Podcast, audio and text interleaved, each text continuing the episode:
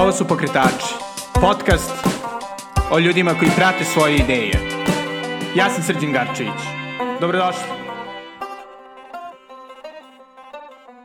Ćao i dobrodošli u novu epizodu Pokretača na Radio Aparatu. Gosti u ovoj epizodi su Matija Hrkać i Matija Belković, pokretači Kogito Kofija iz Zagreba, inače ubedljivo najuspešnijeg specialty coffee brenda iz regiona. Korito, za one koji ne znaju, ima mrežu fantastičnih kafića sa još boljom kafom, ne samo po prelepom hrvatskom primorju i Zagrebu, već internacionalno u Filadelfiji i Dubaju. Za Kogito sam inače saznao jednog divnog jutra u Rovinju, kada mi je Dina Habulin, ljubazna menadžerka njihove rovinske ispostave, ispričala njihovu priču o neverovatnoj ekspanziji, ali mi je servirala jednu od ubedljivo najboljih kafa koje sam do tada pio. Ova epizoda mi je takođe draga zato što se nadam da je prva u nizu priča o vrlo živahnoj e, zagrebačkoj i hrvatskoj kraft sceni, koja uključuje inače i Garden Brewery, čije je pivo proglašeno najboljim u Evropi, ali sada već po kvalitetu poznat adventski market e, koji bih vam svakako preporučio da posetite ako budete prolazili kroz Zagreb. Ali pre nego što čujete priču o Kogitu, e, moram da vas podsjetim da podržite pokretače i moj blog The Natural Times preko Patreona, na adresi patreon.com kosacrta Belgrade kako bih mogao da nastavim da vam donosim ovakve divne priče o vrlo inspirativnim i svakako zanimljivim ljudima. Sa Matijom i Matijom sam pričao preko Skype-a, tako da vam se izvinjavam na malo krčećem kvalitetu snimka, ali u svakom slučaju ovo je divna priča o Kogitu. Kako ste zapravo vas dvojice zainteresovali za kafu? Ajde, Matija, nismo to nikad... Pa ja sam, se, se, ja sam se slučajno, da. Inače sam završavao novinarstvo i došao sam do nekog seminarskog rada o coffee shop otvaranju neke ekonomske strane i tu me zainteresirala kava, to sam malo istraživao i onda sam ja krenuo raditi u jednom zagrebačkom prvom ton shopu e, gdje je jedini nešto radio s kavom i koji se spominjao tamo i tamo sam počeo raditi e, prvi put uopće kao konobar. Tako da, slučajno sasvim, ali sam neko, čim sam to krenuo me to jako zaintrigiralo i osjetio sam neko ono motiv i strast da, da radim s tim, a to je tad bilo dosta onako novo, čak sam bio i čudan dosta i svojima i poznatima i nepoznatima i tada sam krenuo, to je bilo 2006. Kraj 2006. prije, pred kraj faksa, tako da sam završio faks kroz dvije godine, ali nisam se bavio više time, nego sam postao u kavi kompletno. Matije 2. Da. to, a, pa u pravilu često je ta nekakva origin priča, priča početka sa spešti kaom a, svih nas u industriji, ne samo mene i Matija, ali čenito u svijetu, pogotovo to vrijeme kada je taj specialty se počeo razvijati u Evropi. Uh, uvijek je ta priča kao neka plan B, bavio se s nečim plan A koji nisi bio 100% siguran ili sretan uh, i onda otkriješ kavu a, i baciš se na to. Meni je to bilo, ja se bavio studijem filozofije i radio sam u Americi i nekako sam shvatio, nisam htio biti akademik, među vremenu sam probao neke zanimljive, ono, su kafići tamo u Bostonu bili i skužio sam da je kava nešto zanimljivo, da se razvija neka kultura i scena oko toga i na kraju smo s ja i moja žena došli u Zagreb i otvorili neka coffee shop, ne, tako smo krenuli prije nekih deseta godina.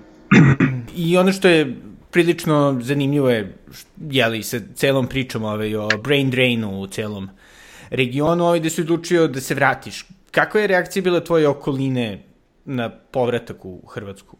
Pa tad iskreno su ljudi bili malo zbunjeni, skeptični. Da, nisu. Mislim, to je bilo malo onako gadno vrijeme, 2010. kad se vrati, to je bilo nekako ono, tu na Balkanu je ta ekonomska kriza dosta udarala po, po, ono, po društvu, tako da je to bilo neobično, e, pogotovo budući da moja žena Amerikanka, da sam ja imao nekakvu opciju ostati tamo, znači nisam prisilom nekako, dok nisam, imao sam papire. Ne. A, ljudima je to bilo malo neobično, ali bilo je zanimljivo, je nekako to dalo nama nekakav temu razgovora i činilo nas je zanimljivima i možda smo dobivali nekakvu onako pažnju zbog toga. Uh, A, tako da je bilo i korisno na nekom nivou. Ne. A ja se vratio zašto sam ja mislio da Zagreb a, e, ima vrlo onak zanimljivu perspektivu. A, a iz osobnih drugih razloga da se vratio. Naravno, Zagreb jeli, ima zapravo dugu tradiciju sa, sa kafom i sa je li ima i Frank kafa, vrlo popularnu regionu i, i zapravo kako je inicijalno 2010. ili čak 2006. Jeli, kada si ti Mati ovi ovaj, krenuo e, da se baviš e, kafom. Ove, kako, kako, kako je uopšte bilo percipirana ta ono, specialty kafa? Pa ne, to je bilo nepostojeće, tako da ljudi nisu to mogli percipirati na način, jer nisi to imao di probat nigdje. Čak i svijest o ljudi koji su radili u industriji kave, o tome je bila na razini minusa, ne nule čak. Osim tog jednog malog šopa koji je imao nekako svijest o tome i kroz nekakva naticanja ali generalno kava ko sam proizvod, znači ko kvalitetno zrno je apsolutno bilo nepostojeće do neke, znači ne znam, Nik je to prvi počeo do dvorišta 2010. kad je to krenulo, e, je bilo dosta uopće čudno imati nekakvu drugu kavu, tako da ja kad god sam negdje poišao puto, donio sam reći su kave, to ljudima bilo okusno jako loše, a na nekoj onako razini svijesti im je to bilo onako jako čudno i i čak ću reći glupo, ono, apsolutno nepovjerenje da, da takav proizvod se može prodati, da može biti fin nekome. Tako da nije postala nijeko specialty dizajnica. Mislim, u svijetu je tad relativno bila, New York je tad imao 15 kafića, doslovno. Da.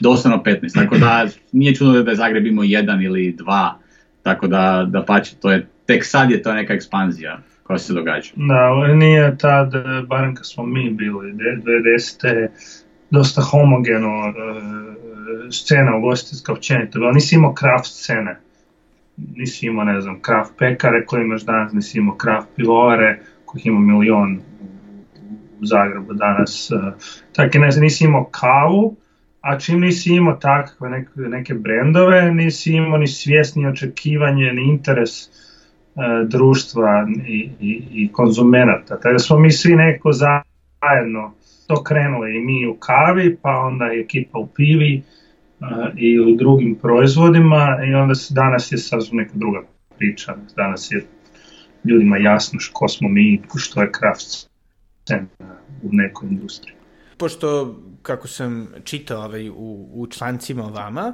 e, zapravo inicijalno je postojao kafe u dvorištu i, i tek onda kasnije je nastao zapravo Kogito. Kako ste odlučili zapravo da, da tako promenite brend i da napravite nešto dosta ambicioznije? Po dvorištu je bio prvo brend mene i moje žene Hane koja je manjinski suvlasnik Kogita uh, i on je funkcionirao kao kafe, kafe bar i neko kulturni kulturni klub, nazovemo to tako. I Matija je, e, ja se nismo zapravo znali, inicijalno onda smo se polako poznali, ali ikakvi pomaci u kavi, a naši su bili nekakvi, nisu blizu nivou covid kofija, ne? ali ipak smo u dvorištu ono, pokušavali se izdvojiti kao neko ko radi neku kavu. Mati je došao i onda smo se mi sprijatelji i oni svojim ozbiljnim know-howom izloženosti svjetskom tržištu kave e, zapravo i nas počeli informirati i na kraju smo odlučili e, ići dalje u smjeru kave i specializirati se. Zato da, da, da smo osnovali taj brand. I kako je onda izgledala zapravo ta, ta ekspanzija, da kažemo, nečega što je bio, usmo ono, porodični, relativno ono, ušuškani projekat, uh, do nečega što je sada jeli, fantastično uspelo da se proširi do Dubaja, jel tako uskoro i do Filadelfije ili već do Filadelfije? Da, već je. Pa sad to može izgleda ovak uh, e, relativno veliko. Počelo je postepeno, znači mi smo otvorili pržionicu 2014. imali smo doslovno dva ili tri kupca, jedan od ta dva je tri bio kafe u dvorištu i otvorili smo taj prvi shop u Varšavskoj nedugo, nedugo zatim, e, 2015. početak i tad je to bilo dalje dosta teško i dalje je bila dosta kriza je bila, ali nekak je krenula Europska unija, Zagreb je turistički eksplodirao, e, ekonomija se popravila, tako da malo po malo smo mi to dosta pametno gradili i naš, naš nekakav lanac vlastih šopa, veleprodaju kave. E, bili smo, ajmo reći, u pravom trenutku na pravom mjestu sa pravim ljudima i tako da smo bili prvi koji su probili malo to zbiljnije e, da to nije jedan mali shop i jedan čovjek nego da je ipak to malo jedan brand koji je koji se bavi sa puno više stvari, a sve su vezane za kavu i za ugostiteljstvo. Tako da su sve te prilike koje spominješ se dogodile dijelom spontano, dijelom smo mi ciljano išli u otvaranje nekih šopova e, kao plan razvoja, a Dubai i Philadelphia su, ja, ja bih rekao, posljedica kvalitetnog rada i dojma koji smo ostavili na naše partnere nove u tim projektima koji su videli što smo napravili ovdje, na koji način i, i svidlo im se i da paće, ono, odlučili su investirati da napravimo puno veći projekt, pogotovo u Americi ovo što je ogroman projekt i financijski, ali čak i što se tiče veličine, veličine samog šopa je to i za američke prilike veliko. Čitao sam vaš e, intervju jeli, sa Birovom 24.7 Malo pre gde ste pričali o, o zapravo izazovima ekspanzije u Americi, gde cela ta specialty coffee scena dosta razvijenija. Jel to u suštini izgledalo kao ponovno postavljanje biznisa na noge ili kako je, kako je bilo? Pa je, mislim, je, raz, je, to je, mi to tretiramo kon, ko startup u smislu da ulazimo na neko novo tržište, da krećemo iz neke, s jedne strane iz početka, a s druge strane nije staro zašto smo mi sad već nekako iskusni i iako je scena u Americi razvijena a, i je i, i velika je, ono jedna od većih u svijetu, a, naša kvaliteta ispoznaje proizvoda, a i kulture specialty kava, je dosta visokom raz, e, na visokoj razini, to su sad već dvije godine koliko gradimo tamo, zapravo vidimo da naše poznanje proizvoda i involvacija s proizvodom je u, ono, u onom malom postotku naj, obrazovanijih. Tako da nije nam startup u smislu da se sad skroz moramo orijentirati šta je dobra kava, kak se poslužuje. Znaš, taj klijent u Americi nije nama nepoznat, mi ga vidimo u našim kofićima u Dubrovniku, Zadru, u Zagrebu. Um, Tako da nije, nije to sve novo, ja sam, i Matija u ostalom je dugo već izložen njihovoj sceni, e, tako da bi ja rekao nešto 50-50, očekujemo da ono imamo puno za naučit i u samom poslovnom dijelu smo imali užasno, to je bilo potpuno novo, ne, kako stvaraju kafići, kako se, kako se odnosu s gradom, sa investitorima, sa onim, onim, to je novo tržište, ne. Mhm. A što se tiče samog sadržaja, to je kafe bari i vrhunska kava, tu smo se vrlo lako, brzo snašli, stvori proizvod, doći do dobrih ovih e, sirovina, opreme i takve stvari. To nam je bilo na nekih e, poteškoća. Mislim, baš taj aspekt o učenja na novu jeli, poslovnu klimu, kako je to izgledalo? Šta biste rekli da su ono glavne razlike? Pa veličina čini razliku vrhu, znači sve kod njih, pogotovo mi smo u ono, značajnom gradu, Philadelphia je jedan od pet najvećih gradova u Americi, e, i značajna ekonomija, mislim da je oko 400 milijardi dolara ekonomija grada.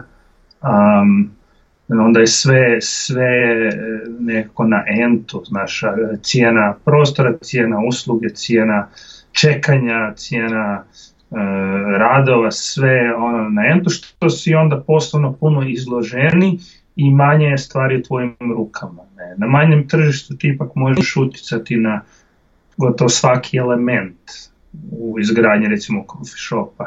Dok ovdje je jako puno čekanja, jako puno pregovora, puno taktiziranja, e, prilagodbi i to sve užasno puno košta. Ne? Tako da mi skoro možemo dodati da dvije nule za izgradi shop u Americi u odnosu na isti tak u Zagrebu. Ne? E, tako da ta poslovna klima je nekako jednostavno može biti mudri i strpljen bolje pripremljen e, i onda valjda su i rezultati malo veći. To ćemo vidjeti. da. Čisto mi interesuje isto, pošto e, je jeli, Hrvatska, pretpostavljam, relativno egzotična i u Americi i pretpostavljam u Dubaju, koliko ste na neki način se brendirali kao neko ko dolazi iz relativno egzotične zemlje, a koliko ste samo trudili da budete ono, specialty coffee shop sa sjajnom kafom? Ja bih rekao da to nije primarno, to što smo mi iz Hrvatske, ne, mi ne želimo biti etno restoran, da. u smislu da smo mi hrvatska kava ili turska kava, bilo u Dubaju, bilo u Americi. Hrvatska je na sreću dosta atraktivna zemlja zbog, zbog lijepog mora, otoka i turizma i sve popularnija, tako da je to sigurno neki plus i benefit koji možemo pametno iskoristiti ali na neki možda malo moderni način, jer ljudi su svjesni Hrvatske, pogotovo Amerikanci. Sad imamo izravne letove Dubrovnik, Filadelfija, tako da velik broj ljudi je već bio u našim šopovima koji čekaju da se otvori ovaj šop u Americi. E, tako da, apsolutno će to biti nekakav ono, možda mediteranski, hrvatski vibe i kroz nekakvu ponudu hrane, ali ne, ne u smislu preetno, jer mi zapravo želimo biti e, svjetski brand kave, da se tak izrazim. Ehm, znači vrhunska kava iz Etiopije je vrhunska kava iz Etiopije u Hrvatskoj, u Filadelfiji, u Beogradu, bilo di, mhm. tako da tu to neko, ajmo reći, etno ili neki taj mikrolokalitet čak može biti dijelom i negativan za ljude mhm. kojima se mi vraćamo. Ali sigurno u nekom postotku može donesti nešto ako se napravi na jedan moderan način. Da, i mi se ono, definiramo kao hrvatski brand, ali E, se primarno definiramo svoj identitet kroz Cogito Coffee koji smo Matija i naš tim izgradili i ono što dostavljamo na nova tržišta je Cogito Coffee. Naravno da postoje e, poveznice i posljedice tipa recimo marketinga, e, činjenica da puno ljudi igram slučaj iz Filadelfije lete u Dubrovnik, um, i imamo neku korist od toga, ali kad vidiš naše šopove kako su dizajnirani, sve to je Cogito Coffee. Mi donosimo našu kvalitetu, našu ideju, E, toga što ta kava je i što coffee shop je uh, u bilo koje tržište i naravno prilagođavamo se tom tržištu e, želimo ipak biti u nekoj komunikaciji, diskursu sa, sa svakim gradom u kojem se nalazimo, ali nemamo komplekse manje vrijednosti zašto dolazimo iz manje sredine. E, mislimo da ako će nas neke nove sredine prihvatiti, to mora biti i, i, i ono što je. Ne nužno od kud dolazimo. Kako uspevate to održite, da kažem, isti standard kvaliteta, ali mislim ono i usluge, da kažem, nekoga etosa, pošto čak i u samoj Hrvatskoj ste prilično raštetani, ali niz celu obalu, ovaj, kako, kako ste sigurni da će ono, kafa, fantastična vaša kafa u Rovinju, biti ista kao u Varšavskoj ili u Dubrovniku? Da, to je najveći izazov, to si dobro lagano u jednom kafiću ili dva koji su udaljeni pet minuta pješka, a malo je teže 500 ili 1000 km pa od Helelfiju 10.000 km koliko god ima do tamo.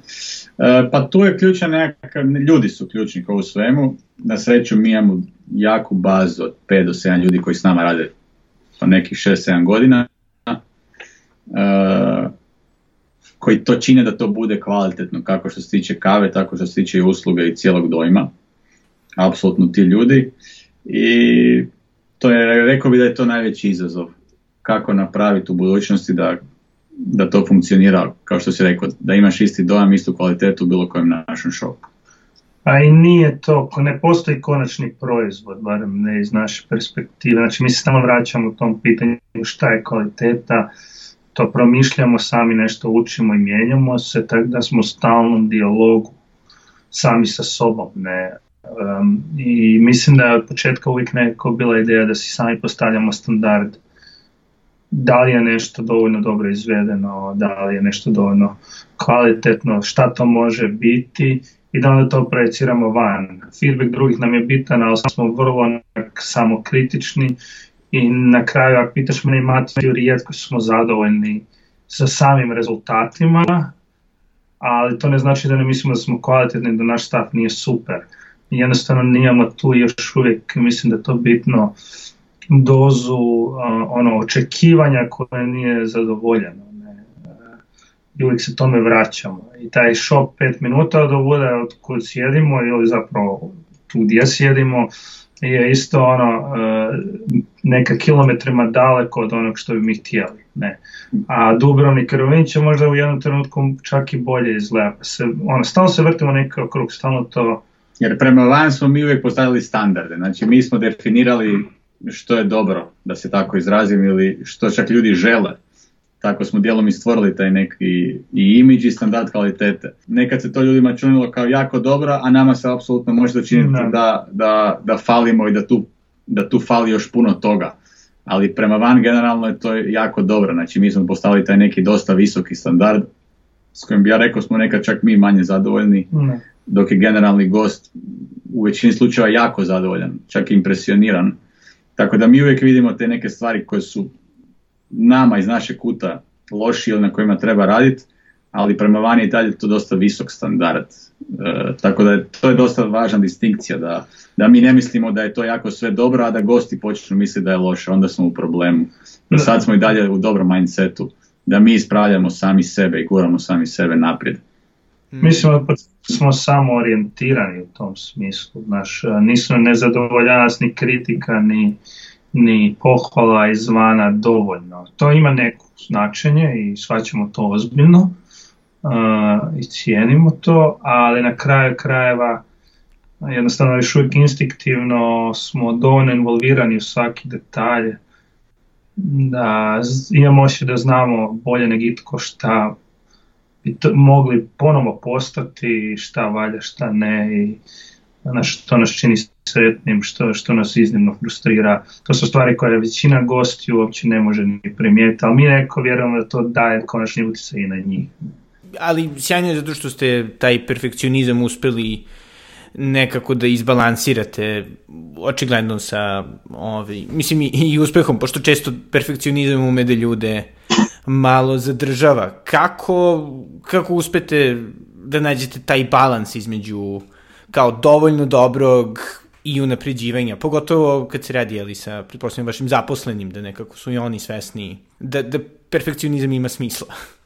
Ja ne znam bih rekao perfekcionizam, to je onak, rado bi se da. opisao s tom riječi, da. ali mislim da je to malo da bi bili iz... Uh... Čuješ, nemaš video, da imaš video da pa, dobro, da, čak izgleda ovo uredno, iza uredno. Po bojama smo složili registraciju. Da, bi u pasikla, oni su da. svi uredni. Mislim da nije naša težnja perfekcionizam, ali jednostavno mislimo da je, barem, da mislim da se Mati izlaže, da mi nismo sposobni za čak ideju toga. Više bi to pisao da imamo neku želju za napretkom, da nemamo strpljenja za stagnaciju, ali da prihvaćamo činjenicu da baš to nikad neće biti savršeno, ni blizu. I da zapravo sa radnicima, timom, baristima, prđioničarima, ko već, tehničarima, smo u konstantnom diskursu koji, šta je ono prioritet sada i šta možemo napraviti. I onda nekako to pustimo E, u, u nekakav kontekst i vidimo šta će se desiti. I ne očekujemo da će biti savršeno, ne, e, nego jednostavno očekujemo da će na neku akciju biti neka reakcija, da će se nešto dogoditi i nadamo se da naš utjecaj na to, to čini malo ljepšim, malo boljim, malo zanimljivijim e, svima su u dodiru s tim što radimo, ne? ali perfekcionizam nije za ljude. Mislim, to... A i perfekcionizam onda, bi, onda ne bi otvorili nijedan kafić, ja bih rekao, jer to onda uvijek će ti nešto smetati i na kraju dana nećeš imati nijakav progres, nego ćeš čekati da nešto bude savršeno. A generalno ti se to jako neće dogoditi, tako da bolje, bolje to graditi i poboljšavati se postepeno. Ako imaš, ja bih rekao, ako imaš, neću reći perfektnu ideju, ali ako stremiš nečemu da bude zaista dobro, napravit ćeš to zaista dobro. Da, i to je zanimljivo zapravo što on kaže, ali s Kaom recimo, kad bi tražio nešto savršeno, ima nekih brendova koji projeciraju nekakav oblik savršenstva, mislim da je tu najpoznatiji tim brendova u Norveškoj. A kad je reč o kavi, a, e, zapravo postoji užasno puno elemenata kojem, kojem moraš sudjelovati da bi dobio što bi ja nazvao vrhunski proizvod, to je od zelenog zrna i odnosa sa farmama, i ekologijom e, do e, proizvodnje pa do odnosa sa svojim klijentima, s gostima, sa stavom, sa prostorima i svime time. I na kraju onda kada, ako želiš obuhvatiti sve, a mi na neki način želimo imati dodir sa svime, e, ne možeš se fokusirati toliko precizno na jednu stvar. A s druge strane, ako se fokusiraš samo na jednu stvar, onda si možda može biti vrhunski barista, ima dobar bar, ali to ne znači da tvoj brand zapravo je e, vrhunski u cijelom nekom segmentu. Jer ne možeš dotaknuti šire malo neke da. stvari koje bih htio, tako da... Mi to ne želimo biti, ne želimo biti nekako ono, e, heterogeni i afirmirati činjenicu sudjelovanja drugih. A čim drugi sudjeluju, onda uvijek to... Mm. Na svu sreću nismo savršeni. Da, a ovaj, isto tako mislim što je prilično zanimljivo je da, da obojice imate backgrounde u profesijama koje jeli, nisu smatrane e, pretjerano lukrativnim ili ovaj, praktičnim, ili filozofiji i žurnalistici. Novinarstvo, filozofija. ni, da. ni dugovi. no, pa da, filozofija dugovječna. da, da, novinarstvo nije dugovječna, sveći. Da, jel su na neki način te dve profesije vaše, ono, formalno obrazovanje vam pomogli na neki način na koncepciji posla ili? Ako se mene tiče novinarstva, ja bih rekao da nisu. Tako da, vjerojatno za filozofiju ja bi, tu pomaže ja vjerojatno da više. Da. Ali novinarstvo je generalno, ja volim i novine i čitat novine i portale i sve, ali ne bih rekao da je to nešto što me oblikovalo da, da mi pomaže ili da mi je pomoglo u ovom trenutnom poslu. Više to možda nekakve druge stvari, ali samo formalno obrazovanje mislim da ne. Zapravo ti je to malo je kriva slika filozofije, barem u Americi sam ja sam studirao tamo, sad za Hrvatsku ne znam koje su informacije, siguran sam da je tu teže općenito, pa i društvo manje ali e, e, statistički, baš sam čitao jedan članak za e, ljude koji diplomiraju filozofiju, u prvih pet godina zapravo jako malo zarađuju, ali u, u, u životnom vijeku zarade puno više recimo nego e, statistički ljudi koji završili ekonomiju. Znači što većina njih završi u nekim e, visokim pozicijama vodstva. Ne. A mislim da to ima veze s filozofijom, zašto čitaš, pišeš, komuniciraš, a to jesu neki skillovi koji su bitni i mislim da su meni pomogli. Sad dobro, to, je, to su neke statistike, a meni osobno je to bilo korisno za mene kao osobu. Ne, da, uživao sam na studiju, nisam ono, ne, radio do, dosadne zadatke, e, bilo je onak super i na neki način me odvažilo da sam u jednoj mjeri e, dovoljno samo dopadan da probam nešto novo. Da, da, a naravno ovaj tu je, ali pretpostavljam i Dekartova ove inspiracije za, za ime. Da, da, dobro, skužio. Mislim, e, ja nisam se baš e, bio ono, modernist i metafizičar, nego više postmoderno filozofiju se bavio, ali na kraju Descartes pobjedio zašto je njegova riječ bila ona cool, lako se piše, izgovara i, i znači ono, mislim, promišljam i to je bila neka ideja kao da mi promišljamo tu kavu, a bez baš to ono, direktno kažemo. Ne? Da, Ali dobro da. se... Da, mislim, ono, deridijanski, ovaj, fukovski koncepti bi bili možda malo manje. Isto da, ono što sam primetio ove malkice dok sam uh, putovao, skoro to je reafirmacija turski kafe, to jest ono kafe iz džezve. Jel se to zaista dešava? Jel možemo da napravimo tursku kafu ponovo cool? A ja bih ti rekao da je turska kava, pogotovo na našim prostorima, i dalje najprodanija kava za doma. Mi dosta kave za doma prodamo, meljemo friško kad čovjek dođe u naš kafić. Tako da Turska i dalje tu vodi. Većina ljudi doma pije Tursku jer je to dio tradicije, dijelom je zato što je jako jednostavno za napraviti. Odnosno, bar je tehnički jednostavno da napravi, sada će to biti fino, to je druga stvar. Ne bih ja rekao da je to neki revival Turske, ja bih rekao da je to na, bar na ovim područjima od uvijek tako. Za home use prije nekad bilo u kafićima, use, više da, to... Što se tiče sad coffee shopova, ja ne znam u Zagrebu ako ima jedan, možda dva koji to rade. Tako da ja bih rekao da je to tradicija koja je ostala i dalje doma, mlađe generacije to i dalje piju doma, ali ja osobno bih rekao da se to smanjuje u odnosu na starije generacije. Da. Ljudi piju nekakve espresso kapsule, neskafe stvari, čak i, i kafetijere talijanske. E, rekao bi da je turska kava i dalje tu zato što je najmasovnije i najjednostavnije dostupna. Ali nas, za nas, nama je to potpuno neinteresantno, da. zato što nama to nije ukusno, način na koji se ta kava prži, priprema, tak da. To nije dio našeg nekog identiteta, što mi mislimo da je ukusno šalac kave ali ne znači da, znaš, da, da je to nekako van uh, interesa naših gostiju, ne, oni, oni često za doma piju tursku. Možda je dijelom što je espresso kava koja je popularna u Zagrebu, je, znaš, doma je teško raditi, skupo je, korisno, ne znam, često dobijemo ljude koji pitaju za, za ta aparata za doma, ali na kraju to ne isplati.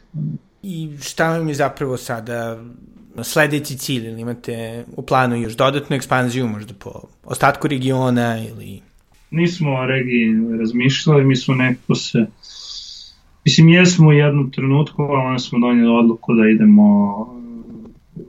no, no, dobili smo prilike da idemo u, Emirate i u SAD SAD smo od uvijek htjeli ići to neko tržište koje nam je poznato lakše se širi tamo, jer je ipak jedna kultura, jedan grad, jedan jezik. On. Ali tamo ćemo se najmo se širiti, e, trenutno nam je cilj provesti e, godinu dana i raditi neki oblik terapije i upoznavanje sami sa sobom, s ovim što imamo, imamo jako puno dobrih lokala i klijenata i sad bi nekako htjeli vidjeti nakon dve godine napornog rada na terenu naš ko smo, šta možemo još biti. I otvaramo još jedan, jedan lokal tu u Zagrebu koji je stvarno super. a, za nekih 2-3 tjedna a, i onda ćemo možda malo stati na loptu 6-12 meseci. Šta biste uopšte savjetovali nekome ko bi hteo da se upusti u ovaj, preduzetničke vode, pogotovo u segmentima jeli, koji trenutno deluju egzotično, kao što pretpostavljam da je kafa delovala kada ste vi u nju kretali?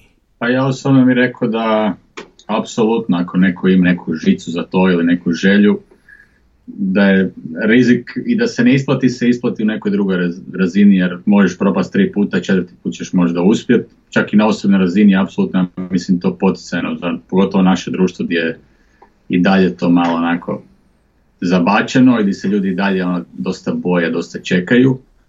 Neki naravno, nekad imaš priliku, nemaš priliku, imaš suport, ali više je to neki mindset da to želiš raditi jedan od ono internet baš jakih likova koji je dosta dobar i za biznis i za motiv. On baš kaže danas je pogotovo lagano u svijetu, ono, obrazuju se dva, tri dana za nešto, može živjeti od eBay-a, lupam.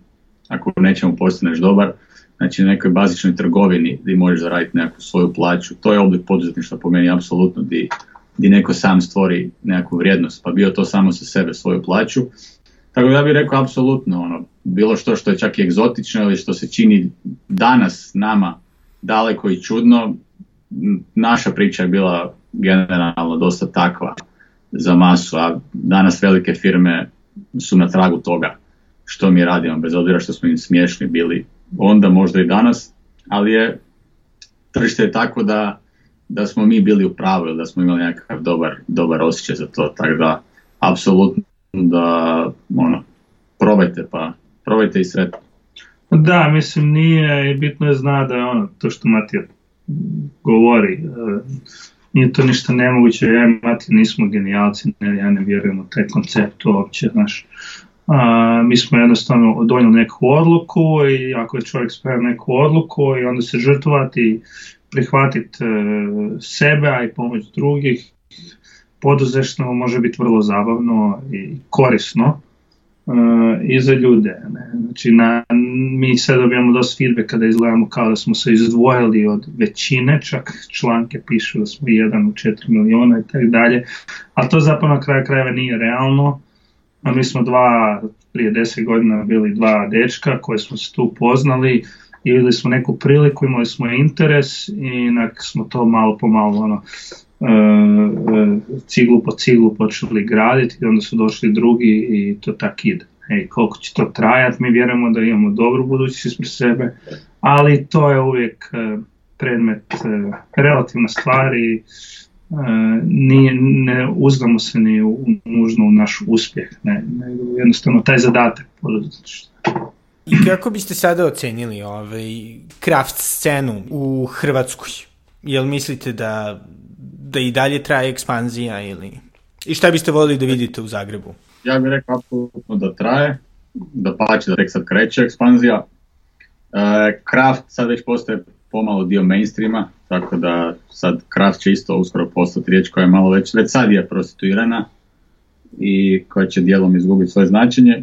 E, ali apsolutno traje i to je dobro, znači stvara se puno jedno veće tržište Mm. proizvod je puno širi, dostupni, nije vezan sad ni za centar grada, čak ni samo za neka turistička središta, znači postaje dostupan čak i u supermarketima, što je sve veliki plus. Što se tiče što bih ja htio da se dogodi, pa ne znam, možda čak da nekakav, da nekakav e, možda jaki, jaki brend dođe strani, ne veliki masoni, da možda dobijemo nekakvu drug će malo iskustva da vidimo kako će se to ponašati. Ne mislim tu na Starbucks, nego možda na neka druga kompanija, tipa kao Blue Bottle. Nije da ih zovem tu, jer na kraju dana to je sve konkurencija, ali bilo bi zanimljivo vidjeti kako bi takav neki jaki, jaki se zaista ono i kolektiv i, i, i imidž i kvaliteta jedna zaista visoka, kako bi se ponašala tu u našem okruženju, šta bi donijela, šta bi, šta bi joj smetalo Tako da meni to možda bilo zanimljivo da se to malo i da pače da ljudi koji se bave kraft, bilo pivom, bilo kavom, bilo namazima, da, da putuju dosta, da, da nekako onako budu malo otvoreni za, za, za, za učenje na nekoj razini koja nije samo etiketa, nego zaista da, da, da postoji neka ono, genuine strast za, za tim što radiš. Ja mislim da Naj, to bih htio vidjeti mislim da je to, e, to što sad kad kažeš kraft, u mojoj glavi ne znači da treba biti maleno i neprisutno, da. to znači samo da je rađeno doslovno s rukama i sa, sa prisustvom osobe i to je otpor nekako je ona mašinerija 60-70 kada je sve bilo ne, stavljeno i dolazi od nikud ide nikud. Ne. E, mislim da taj kraft je znao u drugim industrijama biti prisutan. Zagreb bio pun krafta u centru, cipela, kišobrana, stolica. E, i, znači, bilo je, kraft je bio sve prisutan. Ne? On sad ne može u tim industrijama jednostavno možda ta... Ali to se diže zapravo. A, ali mi mislimo da i dalje stvarno mogu biti kraft da su sve prisutni. To je cilj. To je zapravo cilj dizanja standarda postojanja, življenja, koji mala, često mala uspješna društva i uspijevaju napraviti tipa, ne znam, u, u Austriji je više visok standard u malim selima života, ne, u, u Norveškoj, e, Danskoj, znamo te neke tipične zemlje gdje je ona što je sredina je zapravo više nivoa nego nekim velikim industrijskim društvima.